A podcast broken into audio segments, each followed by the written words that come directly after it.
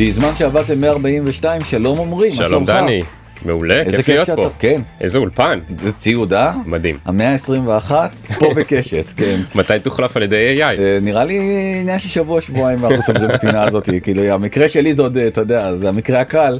דרור זה האתגר הגדול שעכשיו טובי המוחות עובדים עליו אבל להחליף אותו אז בינתיים אתה פה נעליים גדולות למלא. אני סומך עליך עמרי למי שלא מכיר היה כתב הטכנולוגיה של חדשות 2 אחרי זה חדשות 12 והיום הוא יזם בעולמות התוכן וה-AI.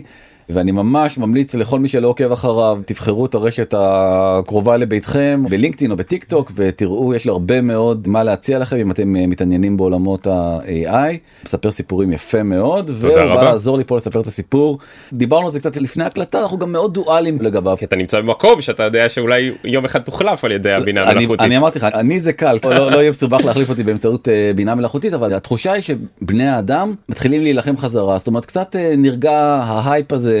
מהבינה המלאכותית ומנסים להבין אוקיי אבל איך אנחנו מה המקום שלנו כבני אנוש לצד המכונה אז אנחנו ננסה לספר איפה בני האנוש מרוויחים איפה אנחנו מפסידים. והאם סטנדאפיסטית שהיא במקרה גם יהודייה תציל את האנושות מבינה מלאכותית אני לפחות בטווח הקצר דווקא כן אופטימי לגבי מה שהולכת לעשות נספר על זה בהמשך. אבל בוא נתחיל דווקא מהוליווד המקום אולי הכי נוצץ כוכב הצפון של אה, תעשיית הבידור. הרבה מאוד כסף מתגלגל שם. כרגע הוליווד דוממת בשתי שביתות אה, נפרדות גם של שחקנים וגם כותבים. שזה פשוט מטורף כן זה נמשך כבר תקופה ארוכה ומה שאומר שיכול להיות ש... ימים, כן. שבסתיו הקרוב לא יהיה סדרות לראות. אתה יודע כמה זה מטורף פרמאונט עכשיו דיווחה תוצאות לבורסה והתוצאות לטובות מאי פעם כי לא משלמת לשחקנים ולכותבים אז זה פשוט אה, אבל זה יתאזן אתה אומר. נחסך לה אה, תקציב רב כאילו שהיא בעצם לא צריכה לשלם.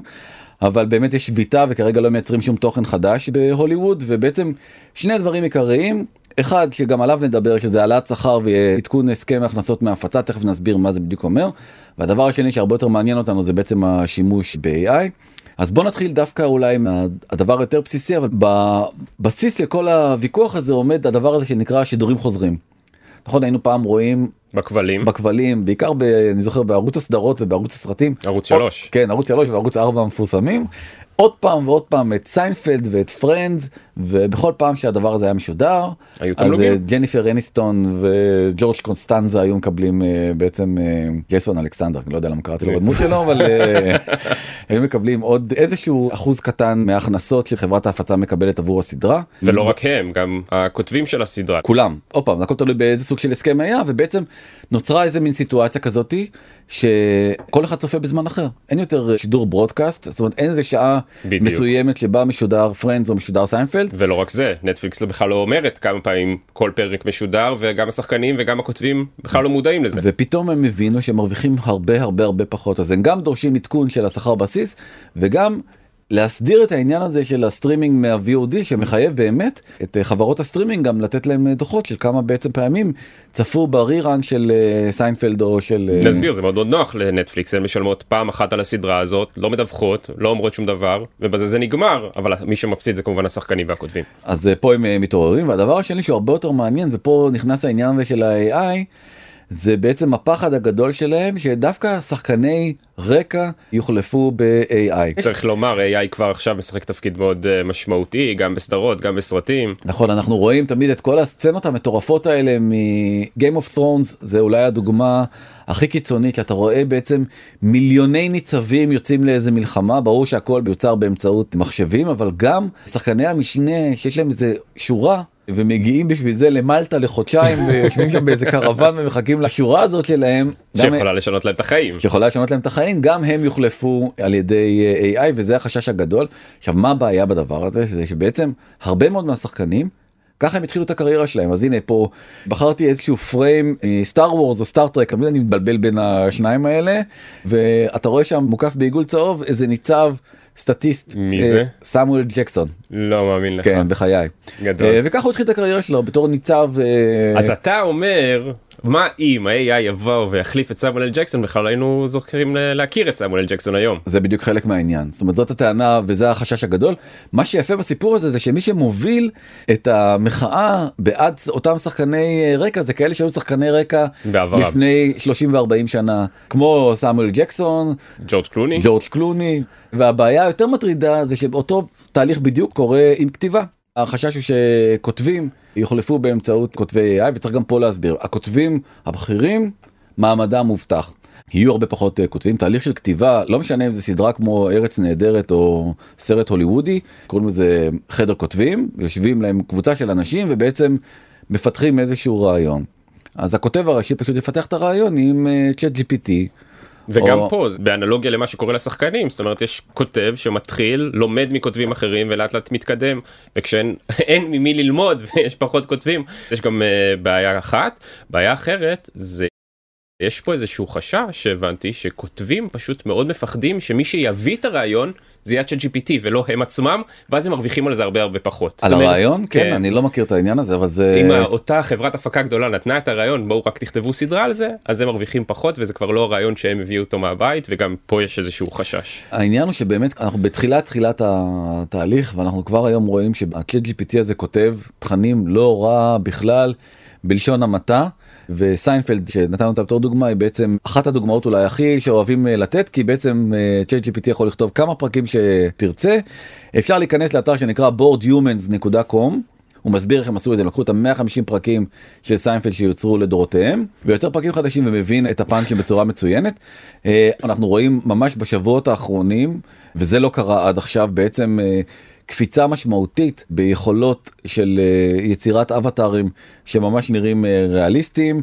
נראה דוגמה קטנה של אה, סטארט-אפ שנקרא היי ג'ן. In the early days of computer press, הפרזנטור של הסטארט-אפ זה המנכ"ל שלו עצמו שצילם כמה תמונות 1947, סטילס שלו ובעצם הכניס איזשהו פרומפט של מה שהוא רוצה להגיד. וזה פשוט נראה בול אחד לאחד טוב working. לא אחד לאחד אבל מאוד מאוד מתקרב לזה וצריך להבין איזה קפיצה מטורפת יש פה בטכנולוגיה וזה כל מה. שנדרש לו שתי דקות של צילום שלו שתי דקות זה הכל וזה ככה נראה אתה חושב שאני מצלם אותך עכשיו שתי דקות וככה. אתה יכול להגיד אני, חושב שאני הבנצ'מרק הנמוך מבחינת היכולות וסיפרנו על איזה סטארט-אפ שכנראה יגייס לפי שווי של יוניקורן שנקרא סינתזיה סטארט-אפ אה, אנגלי הוא כבר יוניקורן והוא גייס 90 מיליון דולר לפי שווי של מעל מיליארד דולר יש גם חברה ישראלית בשם DID שגם עושה את זה DID ויש עוד חברה אחרת שנקראת Hour One שגם בעצם נכון. מנסה לפתח את הדברים האלה וזה תחום שהוא זה ברור לגמרי שלשם העולם אה, הולך. אני ו- לא בטוח אבל שעדיין פיצחו את ה-use case זאת אומרת איפה זה יבוא לידי ביטוי? האם זה באמת מצריכת תוכן? אני עדיין קצת סקפטי.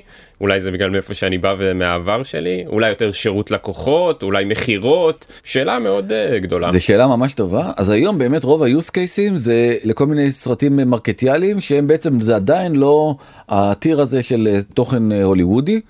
אבל אה, אני חושב שדווקא הדוגמה של נטפליקס ומראה שחורה והיצירה בעצם שכל אחד מייצר אה, ערוץ בודד משל עצמו עם השחקנים עליהם הוא חולם בתוכן שעליו הוא הכי אה, מתעניין בו והכי נמשך אליו. לי ממש אין ספק שלשם תלך האנושות הראיתי איזשהו אה, סלייד מהגיגאי לפני חצי שנה שמראה שבעצם ה-AI יאפשר כמות בלתי מוגבלת אה, של ערוצים של תוכן בכלל. של תוכן כן? בכלל נכון כי עברנו מטלוויזיה ליניארית שהיה בה ערוצים בודדים למאות ערוצים בכבלים ולעשרות מיליוני ערוצים אה, בכל הרשתות סושיאל כמו יוטיוב אה, ודומות להם וברגע שיפתח האופק הזה של ה-AI שהוא ממש נפתח בימים אלה כן. נגיע לתוכן אינסופי וכל אחד יוכל ליצור לעצמו את התוכן שהוא מעוניין בו. ואז השאלה מה מתבלט. האם בהכרח אנחנו שוב פעם מגיעים למה שמתבלט זה הקצוות והקיצון ואז איך זה משפיע על השיח. אני חושב שזה יאפשר לאנשים שהם קריאטיביים לייצר תכנים באמצעות AI שהם לא היו יכולים לייצר uh, קודם כי היית צריך ללמוד המון המון תוכנות והיית צריך יכולות uh, צילום והפקה וזה פשוט עלה המון כסף זה- ועכשיו בכמה דקות ועם uh, לפטופ פשוט אתה יכול לייצר כל תוכן שרק תרצה. מסכים אבל שיהיה כל כך הרבה תוכן ברחבי העולם מי זה שיפרוץ קדימה מי זה שיגלו אותו ואיך יגלו אותו ואיזו פלטפורמה תדאג לכך שיגלו אותו ולמה. אז יהיה AI שיגיד לך מה התוכן שאתה הכי תרצה כאילו אני בטוח שגם פה גם בצד. של הדיסקאברי וגם AI אולי יצרוך את התוכן. או שהוא יהיה biased. נכון אז uh, מי שכבר לוקחת את זה שלב אחד קדימה ואומרת אני הבנתי כבר שהפסדנו במלחמה הזאת ואני הולכת עם הרובוטים. היא כבר לא from the block. היא from the cruise וקוראים לה ג'ניפר אה, לופז? לופז אה, והיא בעצם תרמה את אה, גופה למדע ומקדמת את חברת וירג'ן וויאג'ז. שזה חברת הקרוזים של אה, ריצ'ארד ברנסון בסרט באמת מדהים אני חושב. מעולה מעולה אה, פשוט מעולה. שמראה איזה יכולות יש לדיפ פק מה שמראים פה זה בעצם שחקנים שונים שמנסים לגלם את הדמות של ג'ניפר לופז ועושים את המימיקות של עצמם על הפרצוף של ג'ניפר לופז בצורה פשוט מושלמת. ואני ממש ממליץ לכל מי שלא ראה את זה עד עכשיו פשוט ללכת לראות. ביצוע 10 מ-10 באמת סרטון מעולה. העניין הוא שהתוצר עצמו לא בדיוק הבנתי מה המטרה שלו. אוקיי אני יכול להזמין אותך לקרוז הזה ואז הוא שואל אותי איך קוראים לך כאילו ג'ניפר לופס כמובן שואלת אותי איך קוראים לך ואני נורא מתרגש אני כותב לה דני קוראים לי דני נעים מאוד ואז היא אומרת לי מי אתה רוצה להזמין אז אני אמרתי לה את עמרי. פה היה איזה שנייה של דיליי ואז היא יצרה סרט ואז היא אומרת היי דני I'm thrilled to invite your guest. אתה אומר אפילו את זה הם לא הצליחים לעשות. כי עומרי מה איזה מין שם זה זה לא שם שג'ניפר לופז יודעת להגות. ואם היית אומר ג'ושוע זה היה עובד? לא זה היה עובד. אה אוקיי. פשוט עומרי זה שבר אותה מאוד אמריקאי מצידה אבל זה המטרה של הסרט הזה באמת סרט מעולה וזה מדגים כאילו כמה עוד פעם כשאנחנו לוקחים את זה לצד המצחיק והמשעשע זה מגניב כשאנחנו לוקחים את זה לצד של החדשות. אז זה קצת נהיה cringy ומפחיד ובאמת אה, דרור כבר סיפר פה על אה, חברה בשם Act News כן. כן. שמירי מיכאלי היא אחת המייסדות שלה והמגישה והמגישה ובעצם היא לא מגישה כלום כי בסך הכל דגמו את קולה ואת דמותה ואת קולו של עמית סגל גם כן ועוד טאלנטים אחרים ובעצם נותנים להם באמצעות text to speech לדקלם מהדורת חדשות מה אתה חושב כן. על הדבר הזה בעצם פה אתה בעצם יכול לאפשר פרסונליזציה מוחלטת לאותו צרכן תוכן מה שהוא רוצה איך שהוא רוצה באיזה שפה שהוא רוצה עם איזה מגיש שהוא רוצה זה עניין מעניין אני חושב שעדיין התוצר עצמו יש לו עוד קצת דרך uh, לעבור. ושאלה אחרת, השאלה הכי גדולה זה מה עם הרגולציה. לא שהייתה רגולציה עד עכשיו בעולמות הרשתות החברתיות, אבל פה היא באמת שאלה מעניינת, האם יהיה מעין כוכבית כזו כמו המציג אינו רופא, האם פה זה תוכן שנוצר על ידי AI, ואיך זה ישפיע על הצרכן הסופי. גם חייבים את זה, וגם אני חושב שהנקודה היותר אולי מעניינת זה שבסוף אם הדגימה הזאת של עמית סגל מסתובבת uh, לחופשי, אז מה מונע מכל מיני אה, האקרים איראנים או סתם כאלה שרוצים אה, אנרכיסטים אה, ישראלים לשתול לו מילים אחרות בפה ולגרום לו לדבר בצורה אחרת שאני חושב שהעניין הזה של deep fake. אנחנו עדיין בשלב הדחקות של האפיפיור לובש בלנסיאגה אבל לא לא אנחנו מתקרבים לשם בצעדי ענק אז הדוגמה אולי היום הכי בולטת זה אן האת'ווי שאגב אני לא הכרתי את זה עד ששלחת וזה באמת פשוט מדהים זה הדהים אותי שזה לא אמיתי נכון זה פשוט עשוי מעולה והיא מספרת בדיחה בריאיון לג'ון סטיוארט. שהבדיחה הזאת כמובן לא קרתה ולא זה אבל אי אפשר לראות את זה ולא ליפול מהסיפור הזה אז בוא נראה. What is 6.9? A good thing ruined by a period.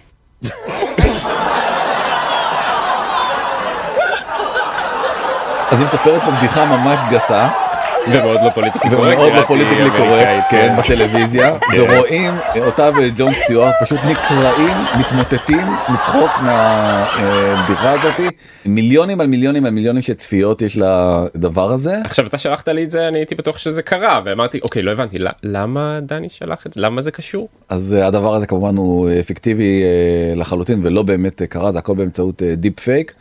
ואני אומר פעם אנחנו עדיין רואים יותר את הדברים המצחיקים והמשעשעים בסיפור הזה ועדיין לא נחשפים לדברים המסוכנים. אבל נראה לי שהשינוי המשמעותי באמת יהיה בבחירות 2024 בארצות הברית ושם יש חגיגה כבר רואים ככה דברים קטנים שמתחילים לצוץ והולכת להיות חגיגה מאוד מאוד גדולה. אני מאוד מקווה שלא אבל אני מסכים איתך שלשם זה נראה לי גם כן הולך.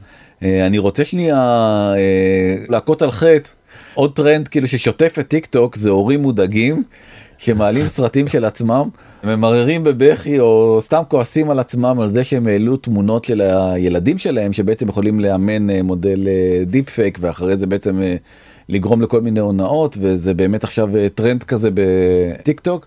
גם אני בצעירותי העליתי תמונות של הילדים לרשתות חברתיות ולא חשבתי בכלל יש כאן המון נאיביות לא חשבתי בכלל אתה רואה את מרק צוקרברג מעלה תמונות לילדים שלו עם סמיילי על הפנים כדי שלא יזהו אותם.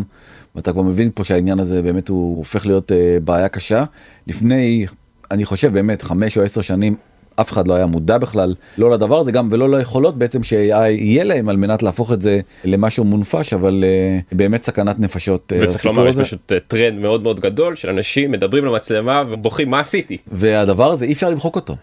גם פה אם אתה מדבר על רגולציה אז בעצם פה הרגולציה צריכה להתערב ולאפשר מחיקה מוחלטת ומלאה של כל התכנים האלה. דרך אגב OpenAI סתם אני פותח סוגריים הוציאו איזשהו עדכון שבו הם אומרים לכל אתר אתה יכול להכניס את הכמה שורות האלה ואנחנו לא נתאמן על הדאטה שלך. כבר לקחנו לכם את כל הדאטה אבל עכשיו אם אתם רוצים פשוט תכניסו את הקוד הזה. אז ו... עכשיו too little too late ובעצם גם התמונות של כל הילדים אה, של כולנו נמצאות כבר במאגרי מידע כאלה ואחרים וכנראה שאת הנעשה אין להשיב. אבל כן אני חושב שאפשר ללמוד את זה במקום של אפשר למנוע את זה בעתיד ואפשר כן לעצור ולא צריך להמשיך וכן צריך להבין מה המשמעויות של כן. העלאת תמונה לכזו. אה, עוד תחום שפשוט משגשג בצורה בלתי רגילה זה תחום הדיבוב. כן כי אם עד עכשיו דיברנו על האבטרים שבאמת הוא מהווה איזשהו מחסום כי באמת זה נראה לא אמיתי באמת הכל אחד לאחד. הכל הוא אחד לאחד חוץ מהדוגמה שעוד מעט נראה שהכל נשמע משונה מאוד אבל יכול מאוד להיות שזה בגלל השפה שאליה פונים אבל בעצם מחקרים מתפרסמים עוד ועוד ועוד אנשים למרות שאנחנו כישראלים התרגלנו תמיד לקרוא עם אה, כתוביות subtitles. ה subtitles הוא סוג של אילוץ נכון כי אם היית יכול לשמוע את ברד פיט מדבר עברית. לא יודע אם הייתי רוצה לשמוע לא היית רוצה תמיד אני זוכר את זה שהייתי נופש בצעירותי באירופה הייתי מגיע פותח את הטלוויזיה ורואה שם סיינפלד חברים בגרמנית. חוק וסדר וזה תמיד היה בגרמנית אבל לא הבנתי את זה כן. למה אז הגרמנים הצרפתים הספרדים מאוד אוהבים נורא. לשמוע את התוכן בשפת המקור שלהם. הם בגלל זה דרך אגב חלקם בחלק מהמדינות האלה לא מדברים כל כך טוב אה, אנגלית כי בעצם הם לא רגילים כמעט להיחשף לאנגלית אבל בעצם הכתוביות זה אילוץ אה, כלכלי. הרי בסופו של דבר תהליך של דיבוב הוא תהליך הרבה יותר יקר זה בדרך כלל קורה בשווקים הרבה יותר גדולים. אני חושב שחלק אה, נרחב מהאנגלית שלי מאיפה האנגלית שלי? שאל אותי מהיכן האנגלית שלי. אז אני חושב שזה ממש מזה לגמרי. אבל העולם הולך למקום של דיבוב. זה הרבה יותר נוח והרבה יותר מהיר ומי שמצטרפת בסערה למרוץ החימוש הזה היא לא אחרת מגוגל באמצעות יוטיוב והיא עכשיו בפיילוט עם בעצם החשבונות המאוד בולטים שלה במקום הראשון לא אחר ממיסטר ביסט תופעת הטבע, תופעת הטבע. 175 מיליון עוקבים. כל אה, סרטון שלו חוצה את המאה מיליון בקלות שובר שיאים. אפשר לנסות ולראות את הפיילוט הזה כל אחד יכול לנסות אותו ובעצם אה, אנחנו נראה את מיסטר ביסט מדבר בתחילה אנגלית ואחרי זה נשמע אותו מדבר יפנית. We just landed in Antarctica and we're gonna survive the next 50 hours here. We're literally at the bottom of the globe at the coldest place on earth. Can't wait to freeze to death. And there goes the plane! Alright, see you later! 残ったのは俺たちだけ。50時間逃げ場はないぞ。マジか。זה כל כך מוזר. כן. עכשיו הם נשמעים כולם כמו איזה דיבוב של סדרת מנגה, נכון? זה כאילו נשמע כמו פוקימון. עכשיו אתה אומר שהכל פה הוא 100% תוצרת AI, אני קצת סקפטי, כי יש פה כל מיני מנעדים אה, שונים של הכל.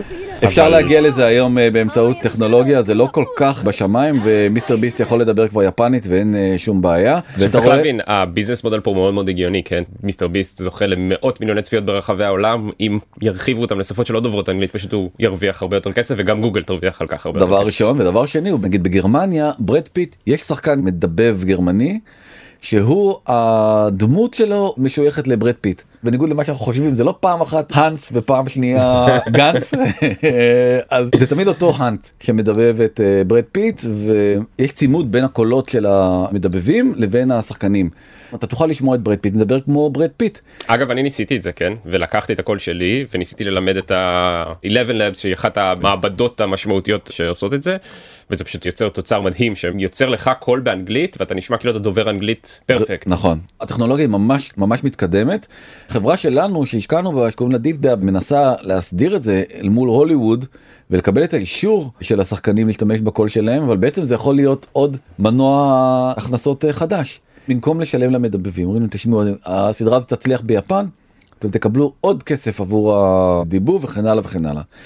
והבטחתי לספר על שרה סילברמן הקומיקאית השנויה במחלוקת אז היא כתבה ספר שנקרא The Bad Weather והיא גילתה תוך כדי משחק גם עם אה, למדה של מטא וגם עם צ'אט GPT של OpenAI שהוא בעצם עונה לה רפליקות שלה. עכשיו היא לא זכרה שבשום סיטואציה פנו אליה מתוך הספר הספציפי הזה Bad Weather. הוא פשוט לוקח חלק מהספר וממש נותן ציטוטים נותן, שלמים. הוא נותן, כן, הוא נותן פאנצ'ים שמאוד מזכירים משפטים כפי שהם נכתבו בתוך מדהים. הספר. יש כתב תביעה של אה, 200 עמודים והיא מראה ממש איזה רפליקות נגנבו מתוך הספר וגם היא מצטטת את אה, מטה שאומרים שבאמת הם השתמשו באיזשהו מאגר ספרים שלא ברור איך הם הגיעו אליו. גם צריך לומר שלא OpenAI ולא מטא בעצם חשפו על מה הן מתבססות נכון. ואיזה דאטה הם לקחו כדי ללמד את ה... נכון ולכן המודלים סיכוי האלה. גדול מאוד שהיא תזכה בתביעה הזאת ותצטרך לקבל את האישור המפורש והמלא שלה ושל יוצרים כמותה. איך אז- זה ישפיע על אותם כותבים שדיברנו עליהם בהתחלה. בגלל זה אני אומר זה בסופו של דבר אם הכותבים האלה יתנגדו לכך שהשתמשו בבדיחות שהם כתבו או מערכונים או אפילו סתם נובלות שהם כתבו בעבר על מנת ליצור פרקי סיינפלד בעתיד. אז יכול להיות שהנחל אה, ייבש ממים ולא יהיה מאיפה בעצם אה, להביא את אותה קריאטיביות מתפרצת של אותו OpenAI. אז זה הכל בתנאי שיש רגולציה שבאמת אוכפת את הדבר הזה ובאמת יודעת לעקוב אחרי הדברים האלה. אז הרגולציה כרגע לא שם אבל יכול מאוד להיות שבית המשפט יחליט שצריך לייצר סיטואציה אחרת ולא באמצעות חקיקה. עורכי דין יכולים להיות מרוויחים גדולים. אני עכשיו רוצה לספר לך משהו בסוף שנות ה-80 הייתה חברת אה, אופנה ישראלית שקראו לה גזוז והחברה הזאת היא מכרה חולצות באמצעות דוגמן בלי חולצה קונספט מאוד משונה עם סיגריה זה דרך אגב בכלל כאילו הזיה והפוסטר הזה של הגזוז sensation היה בכל תחנת אוטובוס ואנשים ילדים היו שוברים את כל התחנות אוטובוס כי הם רוצים את הפוסטר הביתה. והיו מורידים את הפוסטר ותולים אותו בבית. למה אני מספר לך על הפוסטר הזה ועל שנות ה-80 וה... כי הדוגמן הזה קוראים לו ערן אה, גוליק אני חושב הוא היום איפשהו בין אה, 50 פלוס אני מתאר לעצמי והוא לא יכול להיות יותר דוגמן של אה, חברת גלישה. עכשיו הוא יתקשר אליך אחרי כן הפרק הזה ממש ויגיד לך שהוא סליחה דוגמן וכו'. ומקדם סאפים וזה אבל הבנת את הנקודה יש עניין באופנה שהוא אה, קשור בגילנות ואת הבחורה הזאת שקוראים לה מילה מילה סופיה סופיה. זה בכלל לא מעניין למה זה לא מעניין אותה כי היא בעצם נוצרה באופן מלא על ידי AI והיא לעולם ועד אלא אם כן היוצרים שלה יחליטו אחרת תהיה בת 24. וגם צריך לומר שככה היא נראית עכשיו והיא נראית קצת וירטואלית אתם רק שומעים אותנו אז לכו חפשו באמת ותראו את זה אבל כנראה שזה רק ילך וישתפר וזה ייראה הרבה הרבה הרבה יותר ריאליסטי. נכון ומה שיפה במילה סופיה הזאתי נגיד רוצים לעשות איזושהי הפקת בגדי ים בסנטוריני. בעולם הישן היה צריך אה, מטוס שלם עם מכולות אה, של ציוד תאורה וכן הלאה וכן הלאה לטוס לסנטוריני ולצלם בגדי ים והיום פשוט אומרים ל-AI אנחנו רוצים שהרקע יהיה סנטוריני וזהו זה כל זה מה ש... רחוק יותר גם מה מותר מה אסור איזה בגדים מתעסקים ללבוש ואיזה לא וכולי. חם לה, קר לה, מזג אוויר, נפלנו על יום לא טוב, קצת מעונן, התאורה לא טובה. כל הדברים האלה בעצם אה, נפתרים בצורה מוחלטת, אבל היא חלק בעצם מטרנד הולך ומתגבר, שאולי מפורסמת בו זה ליטל מיקלה, שזה די לא ייאמן שכל כך הרבה מותגים אימצו את הדוגמנית שנראית די מצ'וקמק. אז אני חושב שבהתחלה זה היה בעיקר גימיק כן אני חושב שזה עבד מאוד מאוד טוב במיוחד לצורכי יחסי ציבור וכולי.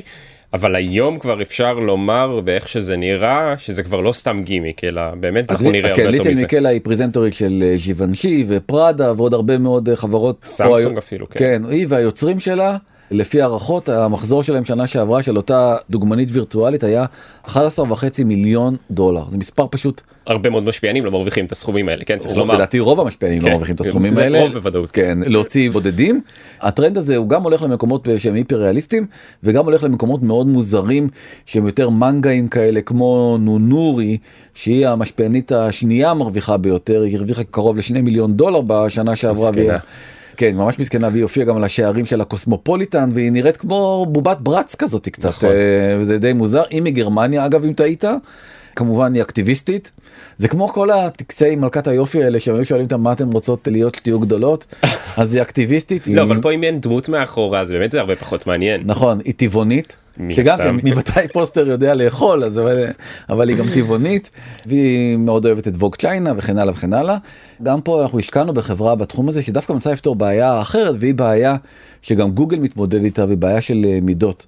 שאתה נכנס- קונה בגד, רוצה קונה לקנות איזשהו בגד אונליין.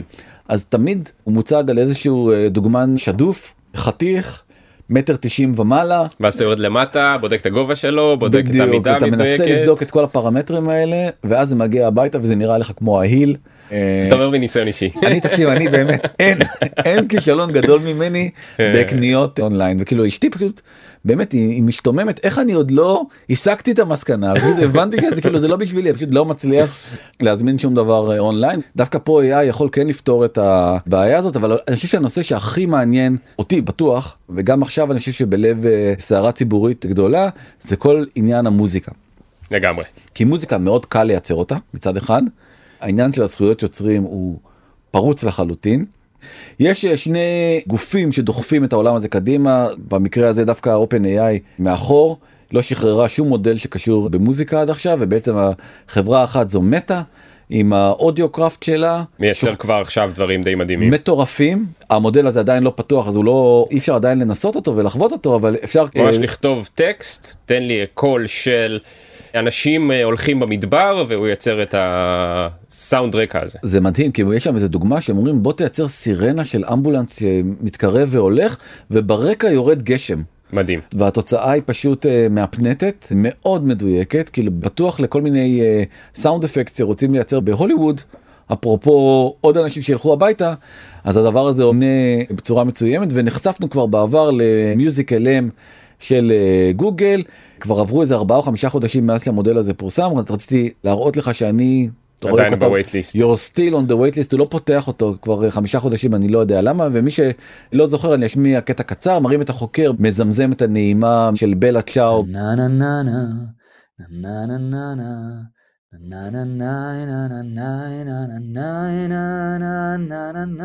ואז הופך את זה בעצם לרביעייה קאמרית בשנייה. עכשיו היכולת הזאת שאני עדיין ב waiting list ולא ולא מקבל עדיין את האישור לדבר הזה. אה, אתה אומר שאולי אתה לא בטוח אם זה אמיתי. לא אני דווקא כן בטוח שזה אמיתי אני פשוט בטוח שהם חוששים מעניין זכויות היוצרים ולכן לא משחררים זאת התחושה שלי. הטיק טוק מתפוצץ בסרטונים שכל מיני אנשים מעלים כמו שאתה סיפרת על Eleven Labs אני אתן לך דוגמה אחת ראש הממשלה בנימין נתניהו שר את יוניקורן של נועה קירל זה פשוט כל כך מעולה. I'm gonna stand like a unicorn.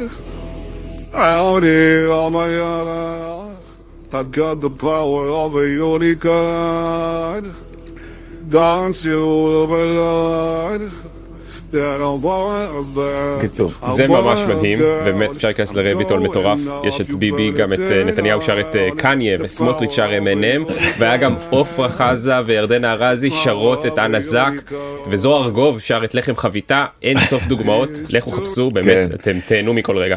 אבל הסיפור אולי באמת הכי גדול היה סביב איזשהו אה, יוצר או יוצרת אנונימית שנקראים Ghostwriter השמענו את זה בעבר אבל הסיפור הזה הולך ומתפתח. דרייק ודה וויקנד כמובן. דרייק ודה וויקנד נשמיע קטע קצר. אה, בדואט אה, בין שני בעצם אולי האומנים הכי גדולים היום במוזיקה האמריקאית. כמובן שאין להם שום קשר לדבר הזה. אין כן. להם שום קשר לדבר הזה וזה הפך ללהיט כל כך גדול. זה הלחיץ את חברת המוזיקה יוניברסל שאחרי שהוא הפך לכל כך ויראלי בעצם הסירה אותו מספוטיפיי ומאפל מיוזיק ומיוטיוב ומטיק טוק ומכל מקום שהייתה יכולה למרות שאם אתה חושב על זה אין לה זכויות על הדבר הזה. זאת אומרת יוניברסל לא יכולה לעשות את זה כי בעצם הקול הוא לא באמת הקול של דרייק ושל דה וויקנד הוא רק דומה באיך שהוא נשמע. ואם היית היום מעלה קאבר שלך עמרי ברק שר את דרייק ומעלה אותו ליוטיוב, אבל נגיד היית בוחר, תזרום איתי שנייה על האופציה, היית בוחר לעשות את הדבר הזה. לא הייתה עם זה בעיה. לא הייתה עם זה בעיה, וזה גם לא היה מורד לעולם, למרות שהיית שר את השיר של דרייק, מבצע את המילים שהוא בעצם כתב, לא הייתה עם זה בעיה, אבל במקרה של, אה, אני לא יודע איך לקרוא לזה, בעצם יצירה חדשה לחלוטין שבעצם מבוסס... שמתבססת על קולו של הזמר. הדבר הזה נפסל לחלוטין, ומסתמן שיש פתרון לעניין הזה. גוגל ויוניברסל, חברת התקליטים של דרייק, מחליטות ביחד. בהסכם שהוא לא מפורסם ולא ידועים הפרטים שלו בעצם לאפשר העלאה של קטעי AI ליוטיוב. ולא רק זה, הן עובדות בעצם על כלי שיאפשר לכל אחד מאיתנו לייצר ממש שירים בקולם של אה, זמרים מפורסמים כמו טיילור סוויפט ודרייק. ובעצם מה שהם אומרים if you can't fight them join them כי הם מבינים שיש פה באמת עסק מסחרי מאוד מאוד גדול. אפשר להרוויח מזה הרבה מאוד כסף מצפיות ביוטיוב וכולי ותמלוגים כאלה ואחרים דרך ספוטיפיי. אז למה לא? זה בדיוק חלק מהעניין התובנה שאפשר בעצם להרוויח מזה עוד כסף. זה חוזר קצת אה, כחוט השני לאורך כל הסיפורים שאנחנו מספרים עכשיו כל אותם יוצרים וכל אותם מותגים אומרים בוא נראה איך אנחנו בעצם מייצרים פה עוד מנוע הכנסות חדש ונוסף. ואז השאלה היא מה היתרון והאם כמה הוא אינקרימנטלי בתקופת הזמן מה שנקרא עד שתבוא הרגולציה ואולי תשנה את זה ותיקח את זה למקום כזה או אחר. אני חושב שבעצם קובעים עכשיו עובדות אה, בשטח ודרייק כשהוא שמע את אחד הקולאבים האלה. הוא אמר תראה זה בקלות יכול היה להיות משהו שהייתי משתמש בו באלבום שלי זה גם לדרייק עצמו נשמע. מספיק טוב וזה די אה, מדהים. אומן שאני מעריץ ממש באסכולה אחרת לחלוטין של הרוק המאוד כסאחיסטי וקוראים לו בילי קורגן והוא היוצר והמנוע שמאחורי להקת סמאשינג פמפקינס דווקא לא כל כך מבין למה האומנים מתנגדים לבינה מלאכותית. הוא בעצם אומר בינה מלאכותית תשנה את המוזיקה לנצח ברגע שאומנים צעירים יבינו שהם יכולים להשתמש בבינה המלאכותית כדי לכתוב שיר טוב יותר הם לא ילכו לבלות עשרת אלפים שעות במרתף כמוני. בסופו של דבר אומנות עוסקת בהבחנה. אם ראפרים בוחרים סאמפל הם מעתיקים? לא באמת. אני עשיתי את אותו הדבר רק עשיתי את זה אנלוגי. פשוט האזנתי לעשרת אלפים שירים אבל מה ההבדל? אז האומנות תהיה נחלת אלו שיכולים להבחין מה טוב גם אם זה בינה מלאכותית שמציגה בפניהם אפשרויות.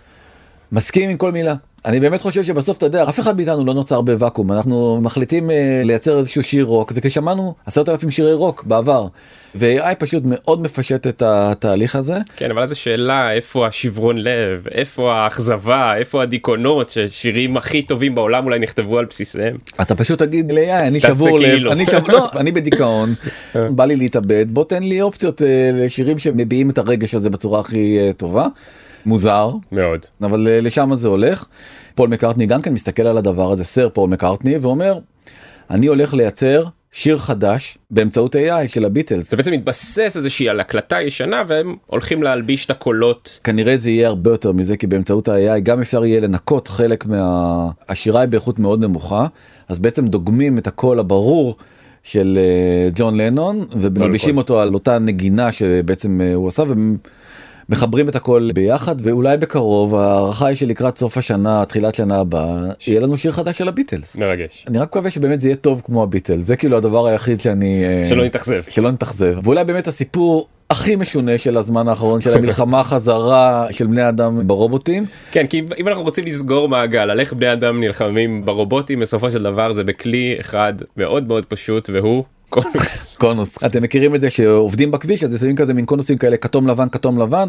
אז כל מיני אנרכיסטים ושונאי רכבים אוטונומיים שמסתובבים להם חופשי. היום כבר אפשר להזמין אה, רובוט טקסי כן, כזה. בסן פרנסיסקו. גילו שיש דרך להשבית אותם. והדרך להשבית אותם היא פשוט אם שמים קונוס על המכסה מנוע.